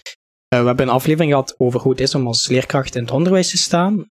dat was de allereerste aflevering. De oude periode. Ja. ja. Um, dan hebben we een aflevering gehad, dat was toen corona op gang begon te komen. En daarmee bedoel ik dan in de zin van dat men langzaam begon te zien dat het een probleem was. Um, dat was net voordat die lockdown afgeroepen werd. De week daarvoor hadden we die aflevering opgenomen. En buiten corona hebben we in die aflevering ook nog de presidentsverkiezingen uh, aangehaald. Hebben we gebabbeld over uh, Bernie Sanders. Swag, swag, Bernie Sanders, swag. Ja. Dan inderdaad de aflevering die Akamba net heeft aangehaald over George Floyd, hè, zijn dood. Uh, en ja, heel ja, conflicten en, en alle protesten die daaruit voortvloeiden en die internationaal zijn overgewaaid en die overal in de wereld hebben plaatsgevonden. Um, dan hebben we voor die aflevering ook een kleine bonus gedaan. Uh, over eigenlijk de federale regeringsformatie die op dat moment bezig was. Omdat we daar wel kort nog over, over wouden inspringen, omdat er, ja, die situatie was heel veel uit de hand gelopen en dat bleef maar aanslepen.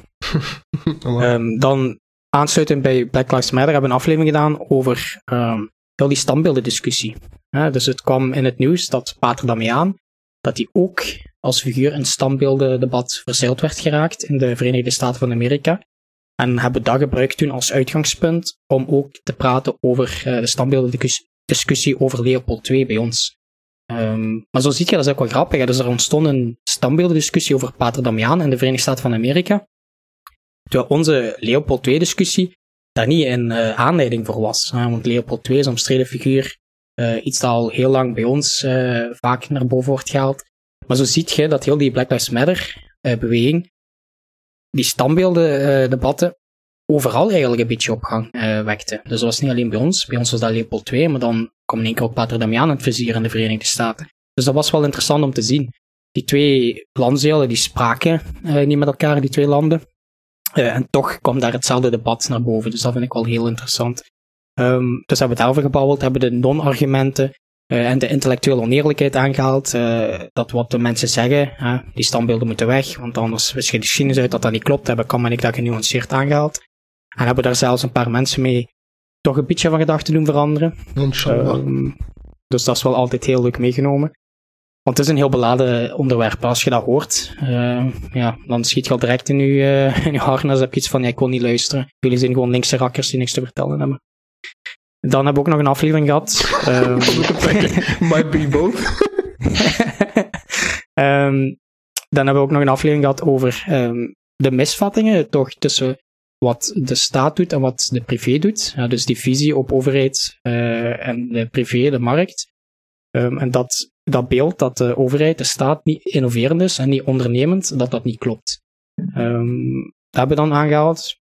Dat was dus een aflevering die enerzijds wel aansloot bij corona, maar het was anderzijds ook een aflevering die we al lange tijd wouden doen.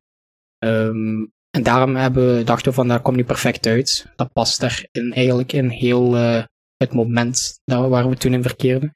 Daar hebben we natuurlijk ook een aflevering gedaan, omdat de presidentsverkiezingen waren al uh, gevorderd. Uh, dus hebben we een aflevering gedaan over fascisme, of wel van hetzelfde. Dat was de titel van de episode. Um, en hebben we toen besproken van, oké, wat gaat Trump nog doen? Wat zijn de dingen die hij gaat doen, die hij kan doen? Wat kunnen we mogelijk verwachten? Uh, een aanloop tot.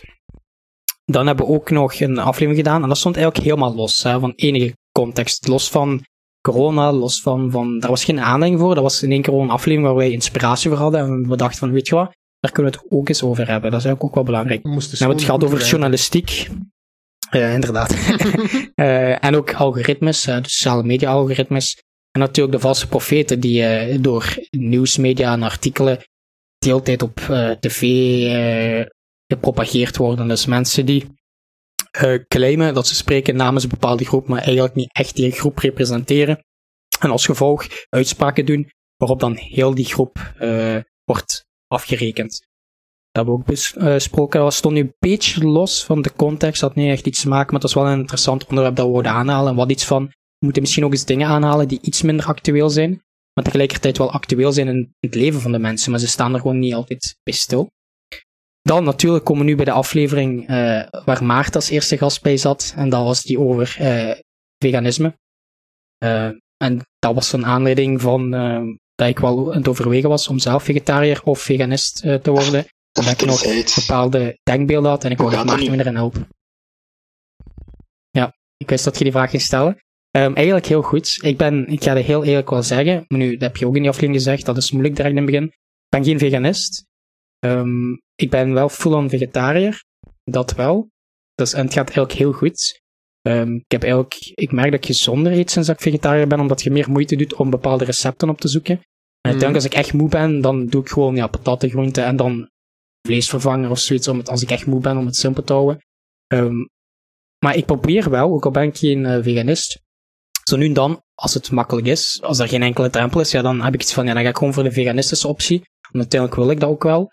Eh, nu, met coronaomstandigheden ga ik niet op restaurant en zo, maar als ik op restaurant zou gaan en ze hebben een ve- eh, veganistische optie, ja, dat is heel makkelijk dan om gewoon te zeggen, ik ga voor dat. Hè. Dan, ik heb zoiets van, als het gaat, ook al zijt je er belangen geen veganist, dan doe je het gewoon. Dus daar is waar ik nu zit. Ik zou wel in de toekomst veganist willen worden, maar het is moeilijk. Ik ben zo bezig beginnen opletten, want je zei dat zelf, hè. Ja, maar ik vind, ik vind vegetariër valt eigenlijk heel goed mee. Dat is eigenlijk gewoon dierlijk vlees laten vallen waar dieren voor gestorven zijn. Maar dan ben zo wat meer beginnen opletten, zoals jij zei, in de winkel en zo, voor veganist. En het is echt moeilijk. En alle dingen waar je gewoon zit om eens te snoepen of te vreten, moeilijk, ja.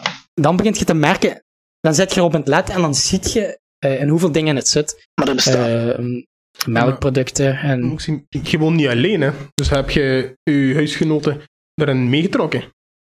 Ehm, Het ding is, is, hoe we het nu doen, mijn ma eet nu ook veel meer eh, vegetarisch. Maar ehm, bijvoorbeeld als zij eh, daar geen goesting in heeft of zo, of het komt te moeilijk uit voor haar, of, of eh, want zij heeft nog zo wat, is nog wat argwanend op sommige vlakken, hoewel ze er niet tegen is. Hè? Dus ze verzet, er- ze verzet zich er niet echt tegen. Dan, eh, hoe we het dan doen, we hebben zo'n grill. En dan bakken we gewoon apart. Hè? Dus als ik bijvoorbeeld een vleesvervanger heb, of, of ik heb linzen, of ik heb bonen. Linzen zijn fucking nice, by the way. Fucking Mm. lekker. Geloof je Ik niet? vind linzen echt vies zalig. Ehm, dan, dan doen we dat gewoon apart. Hè? En dan het andere eten is dan ook apart. En dan, het enige verschil is dan het vlees. Eh, en, en op die manier krijgen we dat wel gefixt. Nu, sommige gerechten zijn wel moeilijk, waar het niet apart gedaan kan worden. Ehm, dus soms is het wel wat zoeken, maar eh, het lukt grotendeels wel.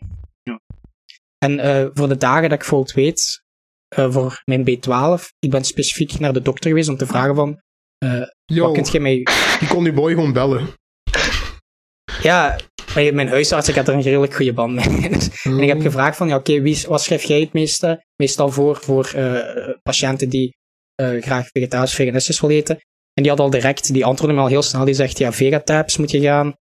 Eh, en dat moest ik zelfs niet op voorschrift, dus dat mocht ik gewoon afhalen de apotheker. Eh, en daar zit heel veel in. Er zit- zelfs veel meer in dan je nodig hebt, maar dat plas je dan gewoon eh uit. Daar zit vitamine C in om je ijzer te kunnen opnemen. Dat is eigenlijk alles wat je moet hebben, B12 ook. Ehm, B12 zit er heel veel in. er was, hoeveel op de achterkant? 1000% van de referentieinname, dus dat is overdreven veel. Maar, ehm, maar dan neem ik dus op dagen van dat ik weet, deze dag heb ik minder ijzer eh, dat ik binnenneem. En ook ja, voor de B12, want dat neem ik sowieso eh, niet binnen via, via mijn eten. Dus op die manier probeer ik er wel rekening mee te houden, zodat ooit op een dag, als ik die overgang maak naar veganisme, dat dat wel makkelijker gaat. Dat gaat niet voor zijn. En ook nu met de coronaomstandigheden merk ik dat het moeilijk is om al die dingen te laten vallen, die je ook zou moeten laten vallen als je veganist bent. Maar ik denk dat de omstandigheden terug wat normaal, meer normaal zijn en ik heb wat meer structuur in mijn dagen, dat het dan wel gaat lukken om te zeggen, ik ga proberen zo goed mogelijke veganist te zijn zoals Maarten. Het ding is wel, Ja. Maar ik ben echt wel blij. Het is ook de beste stap eh, die ik heb het ding is wel, daar heb ik toen niet bij nagedacht. Maar ik, ik ga even raar klinken voor de mensen thuis. Ik eet niet graag taart of cake. En dat zijn van die dingen waar dat Bruh. heel vaak melk en eieren wel makkelijk in zitten. Dus ik eet dat. Ik heb nooit de neiging om dat te eten. Dus ik kan dat heel makkelijk laten en ik heb er geen problemen mee om dat te laten. Maar ik kan me wel inbeelden als je dat wel graag eet. Ja. Je hebt veganistische taarten, veganistische cake, dat, dat bestaat. Die vind je niet in de winkel. Bruh. Eh, dus die moet je al zelf maken. En dat is... Ja, ja. Ik had alles opgezocht voor zo'n eh, veganistische cake. En dat zag er ook wel goed uit. Maar het ding is, dus je moet wel weten waar je Ja. moet gebruiken, dat dat, ehm, ja, dat, dat goed rijst. En, eh, ja, ja. Dus. Maar dat is ook iets in de toekomst dat ik zou eens willen proberen als ik even is- een rustige dag, dat ik helemaal niks Ik, anders ik moet ben wel doen. heel blij dat je Dan, eh, eh, zelf zegt van ik, ik wil veranderen en ik, ik ben ermee bezig. In plaats van dat we gewoon die aflevering hebben gehad en dat Mhm. niks veranderd is. nee, het is dat. Psych. Maar het heeft, het, heeft, het heeft ook heel veel geholpen, die aflevering. Hè? Want uiteindelijk de laatste twijfels van mij gezet, die worden dan wel weggewerkt. Ehm, ja. En eh, doe het op je termijn. Hè. Dus, eh, ik, ik kan niet zeggen, Maxime, dat is niet goed genoeg. Want to be honest, voor sommige veganisten doe ik het ook nog altijd niet goed genoeg. Ja, voilà. Ja, sommige kunnen. Dat is me wel opgevallen in sommige subreddits, maar dat, is, dat zijn enkelingen natuurlijk. Hè. er zijn, ze zitten er wel tussen die heel streng zijn, hè? Ja, die hun standaarden opleggen en anderen, terwijl sommige mensen hebben daar de juiste omstandigheden toe om zo fel erin in te gaan, terwijl sommige mensen ja, inderdaad meer op hun eigen tempo dat moeten doen. Eh, Gatekeepers, maar ja. Dat heb je op elke sector. Ik zelf ben ook graag een gatekeeper. ding, ja. Maar het zijn wel die gatekeepers die mensen buiten houden. Dat heb je in alle groepen. Ja, dat is net het, bedoel van ja. een gatekeeper. Mensen buiten houden. Nee, maar ik ben heel blij dat ik die stap heb gezet. Ehm, ik merk ook, er gaat zo'n heel nieuw palet aan soorten recepten voor mij open. Dank u. Ehm, ik eet ook veel meer groenten nu ook, omdat je er ook meer op let nu. Dus, eh Cabbage is ik ook. Kolen. ja. Cool. Even, de- Mijn ene vraag die toen gesteld was van wat eten vegetariërs, veganisten dus. Uh, en mijn antwoord was erop, eigenlijk is mijn... eh is de, vind ik linzen, linzen echt zo vies als kan. Of ik vind linzen echt vies zalig. Dat was Maxime zijn quote. Ik ben er mee eens dat linzen zalig zijn. Sorry. Ehm, eh, ik, ik had toen tijdens die podcast, tij- tijdens die opname ook gezegd van, kijk, eigenlijk heb ik meer dingen leren eten en meer verschillende dingen. Er zijn dingen die ik nooit in mijn leven had daarvoor, die ik nu wel eet. Mhm. Ehm, Mhm. en ik ben ook veel meer durven eten. Dus, allee, en ik ben blij dat jij nu ook zegt van, ik, eigenlijk eet ik meer dingen, meer verschillende groenten, meer andere dingen. Mhm. en vegetarisch eten kan heel uitgebreid zijn. ben heel blij. Ja, dat klopt. Ja. En ik kijk eigenlijk al naar uit, want dat is nu een van de dingen waar ik naar uitkijk. Als we terug op restaurant mogen, of we gaan eens weer eens een avond drinken of zo. En dan, als ik dan nog eens op restaurant ga, of ergens zo in een eetcafé, daar zijn vegetarische of veganistische opties, dat ik eens dat kan bestellen. Daar kijk ik elke keer gewoon naar uit, dat ik niet meer zelf altijd dan moet koken, dat ik eens kan uitproberen van oké, hoe zijn die recepten in. Hasselt, welke establishments zijn er die, eh, die dat maken. Kent je dinges, The Taste of India? Ja, die kan. Die hebben ook een vegetarische zusterrestaurant. Oh, wel. Kunt je daar eens op zien? Ja. Ik dat Ik zal het noteren voor, later. Lento. Eh, de Prevrie. Allemaal in Hasselt. Om mijn gratis Ja, reclame, we gaan die mensen eens bellen voor een beetje geld te claimen, jong. Ja, ja. Nee, maar daar kijk ik wel heel van naar uit. Ja. Dat, is, dat is iets kwaliteitsvol wel waar, waar ik wist in heb. Ja. Kan ik al eh direct iets Oké, inplannen voor Ik heb nu eh, alles heel uw schema overhoop gehaald door mijn eigen aflevering tussen te komen. Dus waar zaten we? Aflever aflevering 9. Maakt niet uit. Dus 9, ja, dus 8 was juist veganisme met Maarten. Daar hebben we even over afgeweken. Maar dat was wel interessant om het daar nog even over te hebben. De volgende, eh, eigenlijk de voorlaatste van seizoen 2, dat was over China first. Eh, dus eh, ja, We moesten het hebben over spreekt China. voor zich. Ja, eh, dat was nu wel iets dat heel ja, goed paste binnen de huidige context. Ehm, want ja, heel die discussie is ook rond China van hoe, in hoeverre hebben zij een verantwoordelijkheid rond de uitbraak van het coronavirus. Ehm, en we hebben toch iets gehad van, we gaan het niet alleen hebben over dat coronavirus, maar we moeten China dan in een breder kader gaan trekken. We moeten het helemaal gaan hebben over China. Dus economisch, technologisch, ehm, cultureel ook vlak. Ook. Dus we hebben daar toch een redelijk uitgebreide aflevering over gedaan, bijna een uur. Om heel het land China uit te leggen. Hè. niet, de, niet de historiek erachter, de geschiedenis, maar in de zin van wat is de rol van China nu? En hoe komt het dat die die rol nu hebben? Wat hebben die gedaan om in die rollen te- terecht te komen en dat zover is kunnen komen? Eigenlijk was het wel belangrijk dat we dit seizoen zouden kunnen afsluiten met op zijn minst ook een aflevering daarover. Ehm, Ja, je zei daar juist zelf in het begin ergens, wat jij vooral hebt geleerd is dat we eigenlijk dit heel dit jaar niet mogen vergeten. En Ja. daarin kadert China-aflevering wel heel, belang, eh, heel sterk in, namelijk zit heel veel informatie achter, allee, rond China dat ons allemaal beïnvloedt. En we mogen dat zeker niet vergeten en dan volgende week, allee, sorry zoals het zei, in het komende najaar weer doen alsof er niks aan de hand is en dat eh, de wereld gewoon normaal wordt. We moeten bewust blijven zijn van het spel dat gespeeld wordt op grote schaal. Ja, wat, wat ik het altijd het spijtigste vind aan die discussies is, sommige mensen, we hebben het ook al vaak gezegd, dat ik allemaal zeggen ze, want wat zeggen ze, wat zeggen de mensen? Heel vaak zeggen mensen dingen, en de zin op hun eigen klopt, ze halen iets aan wat juist is, maar dan uiteindelijk wie ze proberen aan te vallen met die kennis of de vaststelling die ze maken, dat is dan inhoudelijk fout. Bijvoorbeeld, ehm, ik las vandaag nog een reactie op sociale media van iemand omtrent de vaccins, die zei, eh, ja, wie gaat weer nu op eh, eh, moeten, wie gaat nu moeten, ja, zich moeten opofferen voor de kosten van die crisis op te vangen? Ehm, de mensen, de, de middenklasse gezinnen en de armere klasse, die gaan weer al die kosten moeten dragen. En het zijn de, de enkelingen onder de rijken die weer rijker gaan worden. En dat klopt dan, daar begint dan eh, de reactie mee waarmee ze ehm, van haar gat geeft. Maar dan komt het inhoudelijke en dan begint in één keer eh, samenzweringstheorieën uiteen te zetten.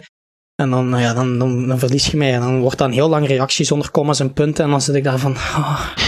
en dat vind ik spijtig. Want eh, dat is nu één voorbeeld, hè, maar dat heb je op alle domeinen, alle eh, politieke discussies er zijn. Vaak halen mensen dingen aan. Dat ik iets heb van, ja, wat je daar zegt, dat klopt. Maar dan, die kennis of die, dat inzicht dat je dan gebruikt voor een specifiek iets aan te vallen of een specifieke ja, denkwijze neer te zetten, dan heb ik iets van, dat klopt niet. En dat vind ik spijtig. Voelt iedereen zegt, iedereen is er ook in mee, iedereen zegt van China moeten die niet volledig in gang laten gaan. Iedereen zegt dat. Letterlijk bijna iedereen. Maar dan, als je daar een discussie over houdt, oké, wat wil dan? Dat moet zijn. Ja, ja, nee, dat is ook. Ja, maar ja, dan, als je dan die discussie inhoudelijk wilt aangaan, oké, wat wil dat inhoudelijk zeggen? Wat moeten we dan doen? En dan komt er niks constructief uit, dan komt er niks zinnigs uit, dan is dat samenzweringstheorieën, dan zijn dat eh, discussies die heel de maatschappij eh, dreigen onderuit te halen. En heel het maatschappelijk weefsel gaan eh, kunnen doen barsten. Het zijn heel veel conservatieve en rechtse stemmen die eh, daarop inspringen op die discussies. En heel veel mensen gaan er dan in mee. Dus de beginstatement klopt, maar dan al de rest wat eruit vocht, heb ik het heel moeilijk mee. En dan de mensen waar ik mee achter zou moeten scharen, de linkse partijen, die voeren die discussies niet. Als je kijkt naar, we hebben dan de aflevering gezegd, als je kijkt naar ehm, Europa, de Europese politici, die dan eh, heel hard van leer trokken tegen Trump, omdat Trump zich heel veel tegen China afzette. Dat is een voorbeeld ervan. Hè. Die de Europese politici zitten met exact dezelfde gevoelens als Trump, maar zij durven het niet op hun eigen manier te verwoorden, wat eigenlijk heel jammer is. Want zij kunnen dat, in tegenstelling tot Trump, wel op een genuanceerde manier en op een diplomati- diplomatieke manier stellen. Dan vind ik heel spijtig dat ze het dan niet doen. Eh, ja. En dat zijn die dingen waar ik het heel moeilijk mee heb. Wat zeggen de mensen? Soms zeggen mensen wel zinnige dingen. Soms zijn mensen best wel vrijzinnig.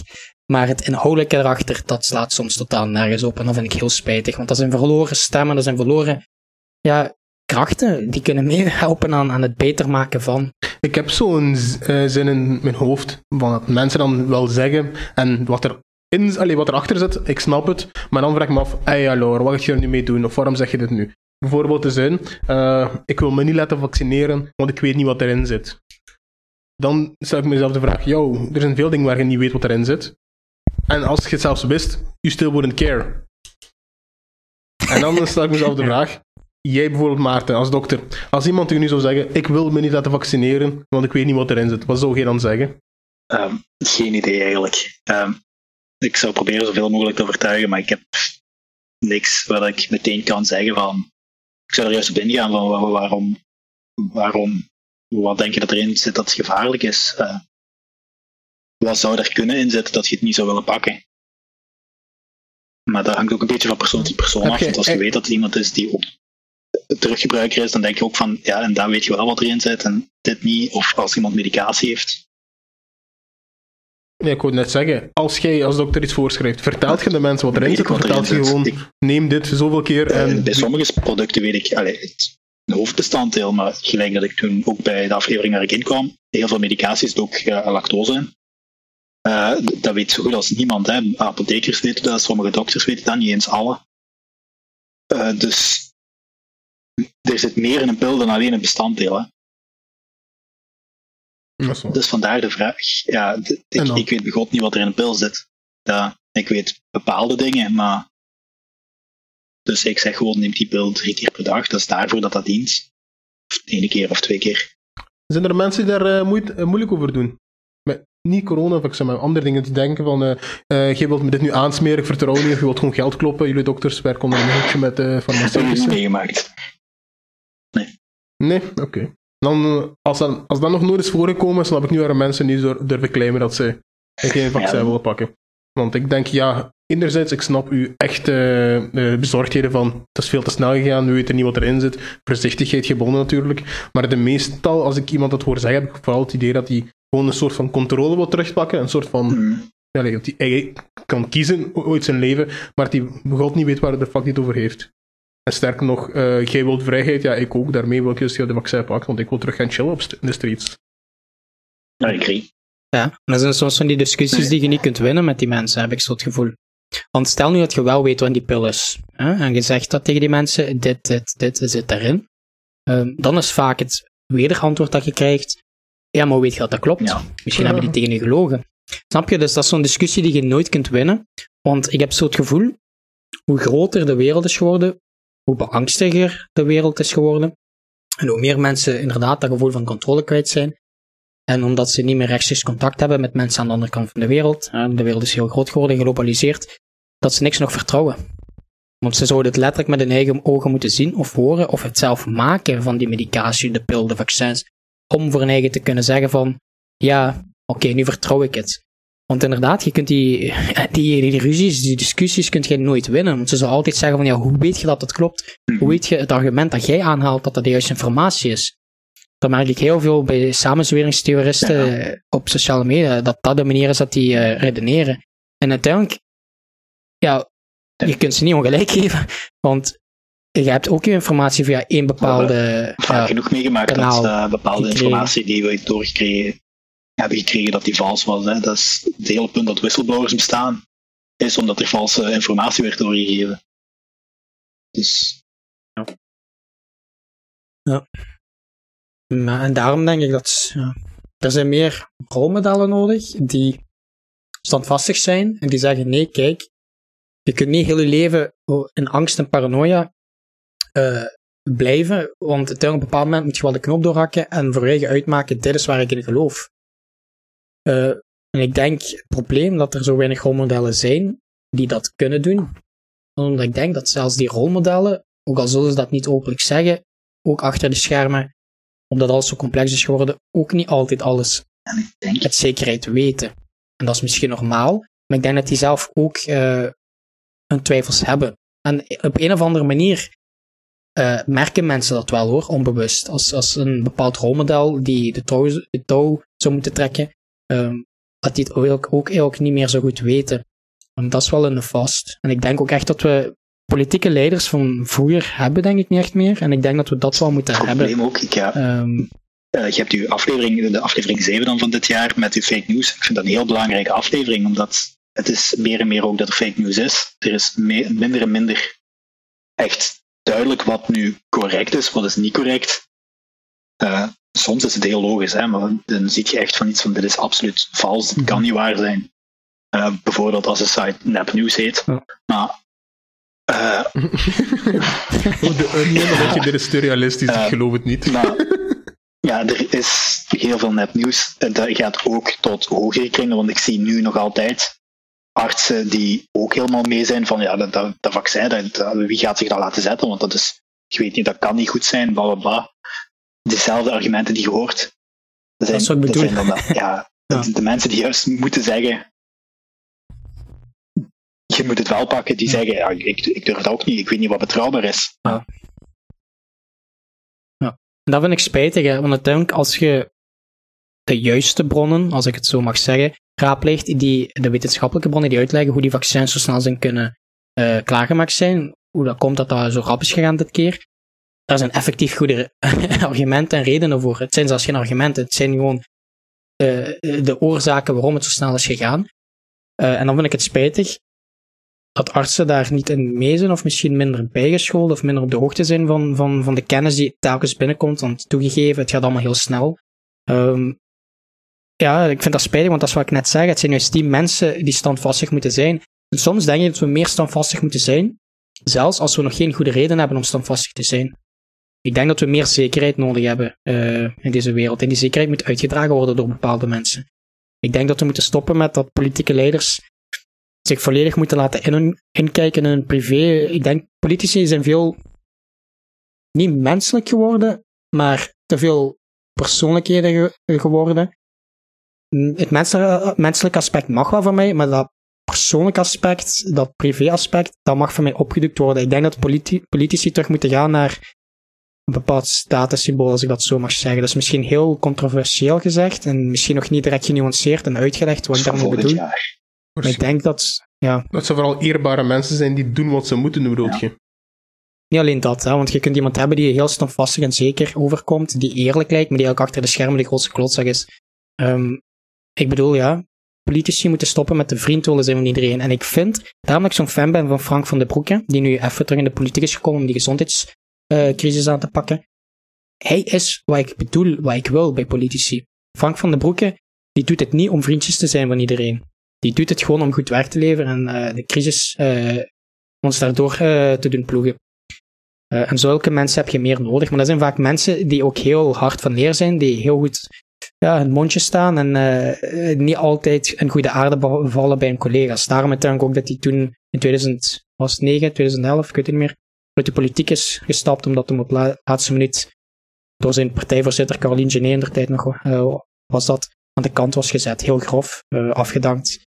Um, dus zo, zo, iemand als hem, die wordt niet in de dank genomen. En ik denk dat hij iemand is op, op professioneel vlak, waar ik misschien zelf ook niet mee overweg zou kunnen als ik politicus was. Maar mensen zoals hem zijn wel nodig in de politiek. Ja, gewoon die, die een ding doen zonder al die cinema op tv, bedoel je? Onder andere, maar het gaat veel verder dan dat. Hij draagt die zekerheid uit, hè.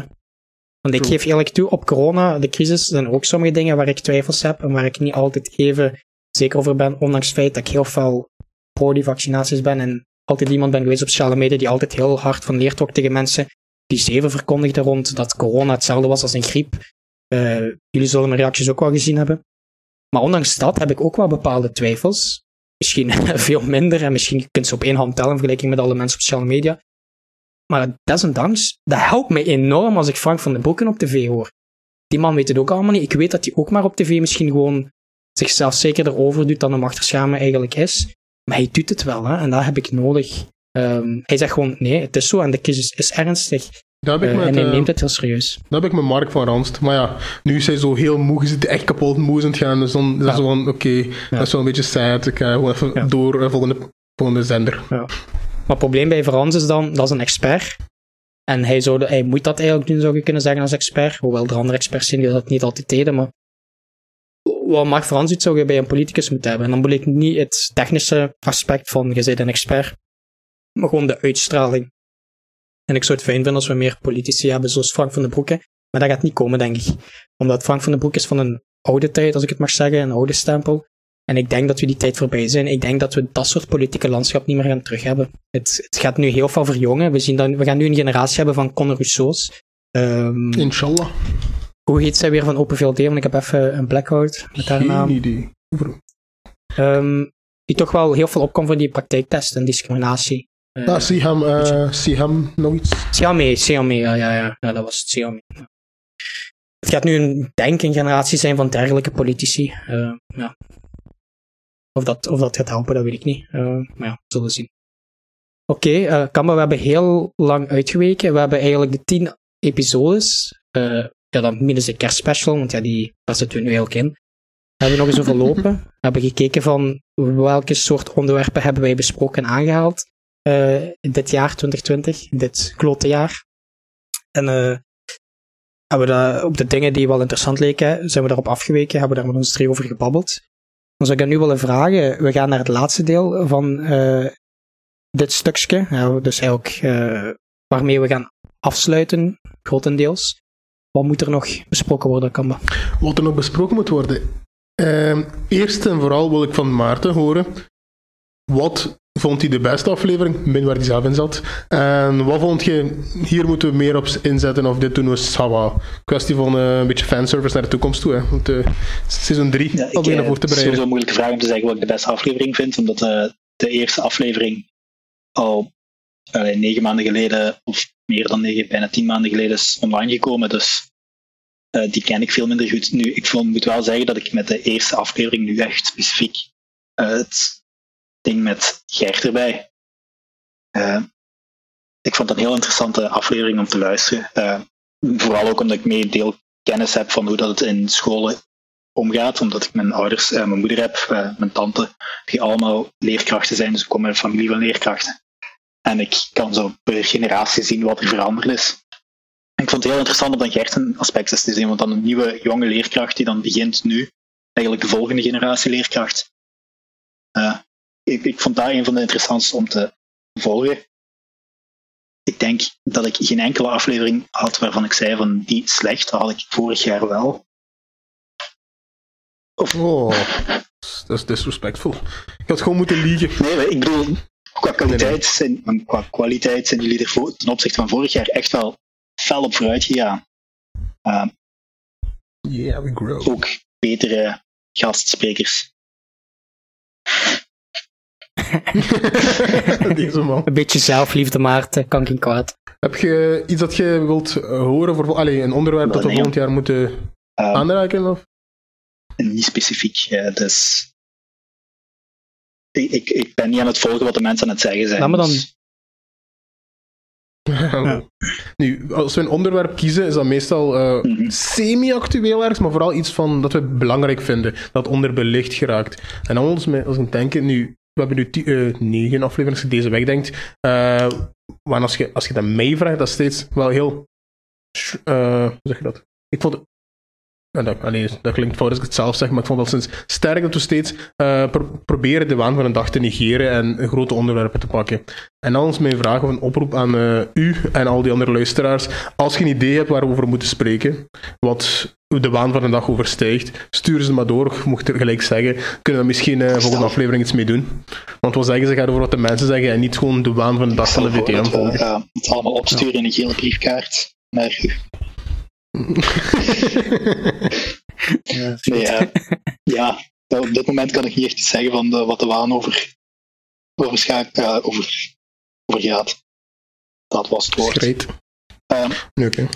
maar Fair puur, ik heb de laatste drie dagen het nieuws ook wel echt niet gevolgd, dus ik weet niet wat er allemaal aan de hand is. En er is in mijn leven niks waarvan ik nu zeg van, oh nee, daar daar moet ik zeker iets over horen. Ja. Eigenlijk, dat is ook wel er heel interessant bij. Als je het nieuws volgt, wordt je altijd hetzelfde. En zijn het vaak dingen die niet de waan van de dag overstijgen. En dan de dingen die dat wel overstijgen, de grotere zaken, de grotere onderwerpen, die komen zelfs niet tot bij de mensen. Dus de mensen kunnen dat zelfs niet zeggen, dat ze daarover iets willen horen. Want we hebben dat ook Mhm. eh, in de vorige deel van het jaar al echt gedaan. Het was echt een jaar van revoluties. Heel veel, eh, in heel veel landen waar er opstanden zijn geweest en protesten en betogingen. En sommige protesten en betogingen zijn gewoon niet eh gebroadcast geweest, zijn gewoon niet op het nieuws geweest, zijn zelfs niet vermeld geweest, behalve dan door meer kleinere nichekranten, eh zo- pak zoals mo.be, dewereldmorgen.be, dus meer ja, heel linkse kranten, die meer bezig zijn met de mondiale politiek. Ehm, en dan is de vraag, oké, misschien willen mensen daar wel iets over horen, maar ze weten er zelfs niet eens van, dus ze kunnen zelfs niet zeggen dat ze het daarover willen hebben. Hmm, oh, als idee. Een aflevering over de revoluties van 2020 die we gewoon Ja. volledig genegeerd hebben. En de eisen die voor- voorkomen. Ja, de, Want de eisen worden niet altijd helder naar voren gebracht, heb ik het En gevoel. ik denk dat Portland is, is nog altijd bezig, de Black Lives Matter Independence eh, movement. Ja, de, de één, plein dat bezet is waar dat ze politie van weerhouden. India Ah, is, juist, ja. dat, dat is niet in het nieuws gekomen. Ik was heel blij dat jullie dat gezegd hadden. Dus, allee, er zijn inderdaad veel. Ja, ja, een kwart miljard mensen. En dat wordt niet eens een beetje vermeld. Dat is de grootste sta- eh, betoging ooit. Dus, de, En dan vraag ik me af, weten ze het gewoon niet of vermelden ze het bewust niet? Omdat ze Maar- denken dat er geen, geen, geen eh, nood aan is bij de mensen om ook- dat te zien op een tijdlijn. Ik zou zelfs zeggen, ik zou zelfs bijna claimen dat dat onder de paraplu valt van Black Lives Don't Matter of, of eh, Brown Lives Don't Matter. Ze vertellen het niet, want dat niet zo interessant is voor de mensen hier. Of dat denken ze toch. Of ze willen die eh, terechte eisen geen energie geven, anders gaan mensen misschien ook hier boos worden. Hmm. Allee, denk ik dan. Hè. Dat kan, maar dan heb ik misschien een goed idee voor eh, seizoen 3 in 2021. Dus als seizoen, aan het einde van seizoen 1 eh, het uitroepen was van de revolutie, als seizoen 2 eh, dan de aanloop was eh, tot de revoluties, dan zou ik kunnen zeggen, want in seizoen 2 hebben heel veel onderwerpen belicht, heel veel nuancering, heel veel verschillende soorten contexten uitgelegd en belicht in de internationale politiek. Dan zou seizoen 3, zoals jij ook zelf zegt, eh, ik zou er niet één episode van maken. Ik zou heel dat seizoen daarop baseren. Ik stel dan voor dat we een beetje van- van de waan van de dag eh, gaan eh, afwijken en elke aflevering gaan spenderen. Een volledige aflevering, dus ik zeg nu maar een 40 tot een uur per aflevering. Over zo'n specifieke eh, context, over een specifiek land waar zo'n betoging of protest is plaatsgevonden. En dat we een aflevering voor iedere protest of, of internationaal conflict eh daaraan spenderen. Dus dan zou seizoen 3 echt een, een seizoen zijn van revoluties. Ja, dus dat we echt spreken over de revoluties. Oeh, ik vind het heel interessant en ik wil het doen. Maar elke aflevering, zo'n belofte wil ik nog niet maken, want als we het niet kunnen... Ja, we weten niet wat er gaat gebeuren. In, Als we, als we het niet kunnen 2021. invullen, dat de mensen boos worden op ons en met de hooi, fakkels en hooivorken ons de stand jagen. Maar vanuit het wel interessant, dus dat dat ook zwaar gaat zijn. Dus om elke keer een aflevering opnieuw over een revolutie of een protest te hebben, dat, dat gaat zwaar en eentonig we sneaken het er gewoon in dan. tussendoor en dan kijken waarover gaat het en dan eigenlijk over het topic hebben en dan zeggen eigenlijk is er een protest aan de hand. Het is een revolutie. Heel subtiel. Perfect. Nee, Ja, oké. Eh, ik wil Maxime en Maarten vragen. Hebben jullie nog een final statement of een superconclusie van Ik wou nog één 2020 ding of een jullie oproep voor zeggen voor volgend 2021? jaar. Probeer terug meer gasten, want in je eerste jaar heb je redelijk veel gasten gehad en in het tweede jaar was moeilijker, heb je Gert gehad en ik. Ehm, als het kan, probeer gasten te hebben. Hè. Ik bedoel echt niet mezelf voor de mensen die mij nu horen, maar ik bedoel effectief Ja, eh, bij de corona-episode gekende, je kent een hele hoop artsen. Daar had je sowieso iemand kunnen Mhm. vragen. Ik Dat is waar. bij de alles politiek. Jij bent ook politiek geaffilieerd geweest, geallieerd geweest. Geallieerd, affilieerd. Dus daar kent je ook Mhm. sowieso mensen. Ehm, en ik denk dat dat interessanter is, want jullie twee ja, kanten is, jullie perspectief is één perspectief. Als je dan niet erin zit, dan zit je van buitenstaander aan het kijken. Maar het is altijd verschillend voor iemand die er effectief in zit. Hm, Dat is waar. ja, ik zou daar ook wel meer naartoe willen gaan. Nu hebben we vooral Mhm. mensen uit onze eigen nabijomgeving, onze eigen kennissen. En ik zou in de toekomst toch Ja, ja, we gaan er niet direct in slagen om echt bekende grootste politici uit te nodigen. Met zo wat fijn zijn om meer misschien lokaal mensen die toch wel nauw staan aan die sectoren. Dat kunnen misschien mensen zijn die ervaring hebben in de politiek. Dat moet niet precies politicus zijn. Dat kan zijn als eh, eh, ergens een bepaalde functie dat ze daar dichtbij stonden. Of misschien als we erin slagen, zelfs eh minder bekende lokale politici.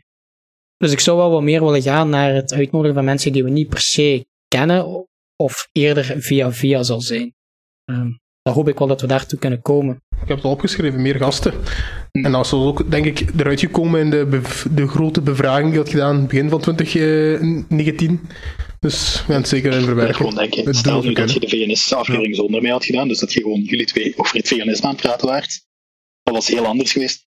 Als je is allebei over aan het praten over een school zonder Gert erbij, dat was ook heel anders geweest. Dus eh, dan heb je een ander, niet per se een expert erin, maar gewoon iemand die ermee gelinkt is. En dan krijg je een iets natuurlijker gesprek. True. Eh, voor de rest, great show. Ik, ik blijf luisteren. Dat is fijn. Je, je blijft een vriend van de podcast. Alright. Nee, Maarten, dat was fijn dat jij eh, ook wat kritiek hebt gegeven. Dat je hebt gezegd van, dat zou ik wel wat meer willen zien naar volgend jaar toe. Dus dat apprecieer ik wel. Ehm, kan me jij wel iets vragen? Ja, ik wil vragen aan of jij nog een eh, conclusie uit 2020 kunt trekken of een oproep voor 2021. Ik ben blij voor 2020, want dat is mijn conclusie, dat we uiteindelijk een heel die chaotische soep er toch in geslaagd zijn om een redelijk stabiel en kwaliteitsvol seizoen neer te zetten. Want ik weet nog, we hadden voor seizoen 1, omdat we, dat, wa- dat was onwennig, het lukte nog niet zo goed om dat in te plannen in onze normale dagstructuur, waardoor we uiteindelijk maar aan vijf episodes zaten voor dat jaar. Eh, waarvan episode 5 dan wel twee delen was natuurlijk, dus in zekere zin zes afleveringen. En dat was dan maar de helft van wat we beoogden. Hè? We wouden er twaalf hebben. Dus hadden we ons aan het einde van dat seizoen toen het eh, voornemen genomen om voor seizoen 2 wel tot 12 afleveringen te komen. En toen het dan ineens heel dat corona gebeuren, ehm, op mijn werk begon het in één keer drukker en zwaarder te worden. En ik zat ervan, allee lap, het gaat weer gebeuren. Het gaat weer een seizoen zijn met maar een paar afleveringen. En uiteindelijk op het laatste, we hebben dat ook al gezegd in, eh, in de vorige twee delen, hebben we op het laatste, want eh, richting einde van het jaar, echt veel inspiratie gehad. En ook, ja, je zit thuis, dus dat is dan makkelijker om het op te nemen. Je moet niet fysiek samenkomen. Dat we echt nog heel veel afleveringen hebben kunnen ja, doorduwen en nog hebben kunnen rondkrijgen, zonder dat die afleveringen eigenlijk aan kwaliteit moesten inboeten. En als ik nu kijk naar het hele overzicht van alle afleveringen die we hebben, en het verscheidenheid aan onderwerpen en hoe goed we daarover gebabbeld hebben, ben ik ook heel opgelucht en heel tevreden, want ik vind het eigenlijk, seizoen 2, moet gezegd, is beter inhoudelijk, vind ik, dan seizoen 1. We hebben minder gasten uitgenodigd, dat is dan het eh, werkpunt. Eh, maar voor de rest vind ik dat we een heel goed seizoen hebben neergezet, waar ik eigenlijk wel bewonderenswaardig vind, omdat ik echt dacht dat weer dit seizoen niet goed ging lukken. Maar dank wel. Ehm, en dan kunnen we nu richting seizoen 3 een synthese maken van het inhoudelijke van seizoen 2, waar we heel goed werk hebben geleverd met eh, de kritiek van Maarten van, zoals seizoen 1, wat meer gasten uh, uitnodigen. Proberen bij zoveel mogelijk afleveringen gasten te betrekken. Dus uh, ik ben heel tevreden als de conclusie die ik trek. Ik ben eigenlijk heel blij met hoe 2020 voor onze podcast is gelopen. Ja. Ik, ook, ik, ik vond het ook een uh, mooi jaar voor, wat zeggen ze, als luisteraar. Een semi op tijdstippen, correcte tijdstippen, op de maand ongeveer, ongeveer een, een nieuwe aflevering. Consistent. Ja, interessante onderwerpen die ook te linken zijn met elkaar. Al, niet allemaal, maar toch deels. En dan ook effectief van belang op dit moment. So. Alright. Hm. ja. Nu zal ik mijn slotstatement geven met mijn coole app. Oh boy, oh nee. Nee, dat is niet waar. Ik ga geen revolutie uitroepen. nee, nee. Ik wil vooral zeggen, 2020 was een trash-ass year. Maar desondanks hebben we goed fijn werk geleverd, denk ik. Uh, we hebben het beste gemaakt van wat we konden. We moesten maar één ding doen en dat is basically binnenzitten. Het was geen hard werk, maar alleen voor sommigen. Uh, maar als, ik ga mijn best blijven doen. Meestal. En hopen dat 2021 echt een fire year kan zijn, wat terug, eindelijk terug de streets op kunnen. Weer kunnen chillen met elkaar. Uh, café, uh, café, bar, barcrawl, barcrawl kunnen doen met de homies. Kroegentocht, dat is het woord met de homies. en dat is het enige wat ik uh, naar verlang. En natuurlijk ook een... Allee, niet het enige, maar dat is een van de major punten. Ja. We gaan er twee moeten doen, hè. Twee kroegentochten, hè. Dus als dat lukt, gaan we er twee achter elkaar moeten ah, plannen. Zo week na week. Dag, dag. nee. ja. Wel, Dat was mijn final statement. Geen uh, grote speeches zoals in het verleden. Het is gewoon simpel. Uh, flikker op 2020 en laat 2021 maar komen. Ja, ja. ja. Um, maar ja, dan hoop ik dat eind januari we met de eerste episode van seizoen 3 kunnen afkomen, hopelijk. We zullen kijken of we al direct voor de eerste aflevering dat gaan doen, dat we al uh, zo een van die protesten gaan nemen over te spreken, een van die revoluties.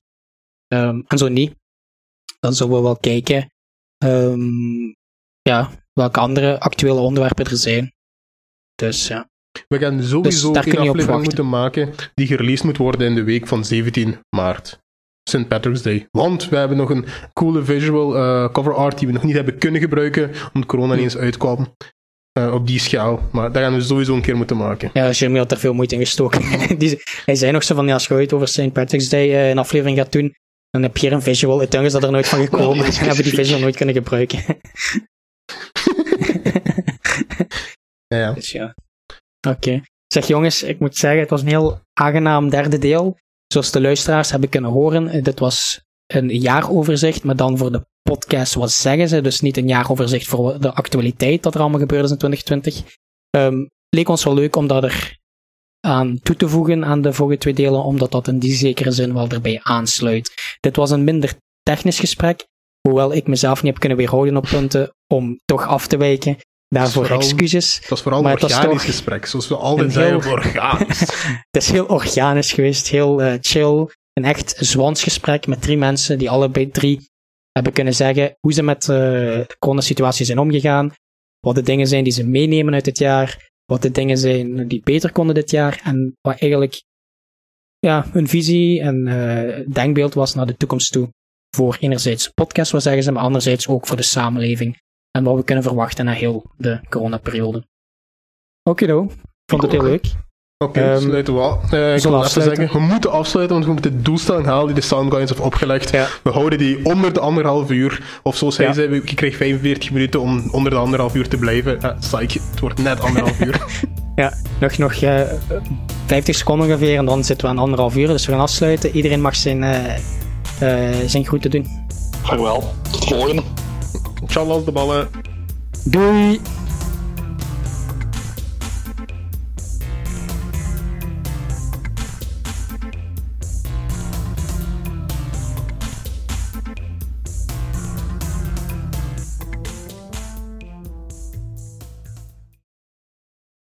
And it's out. Perfect.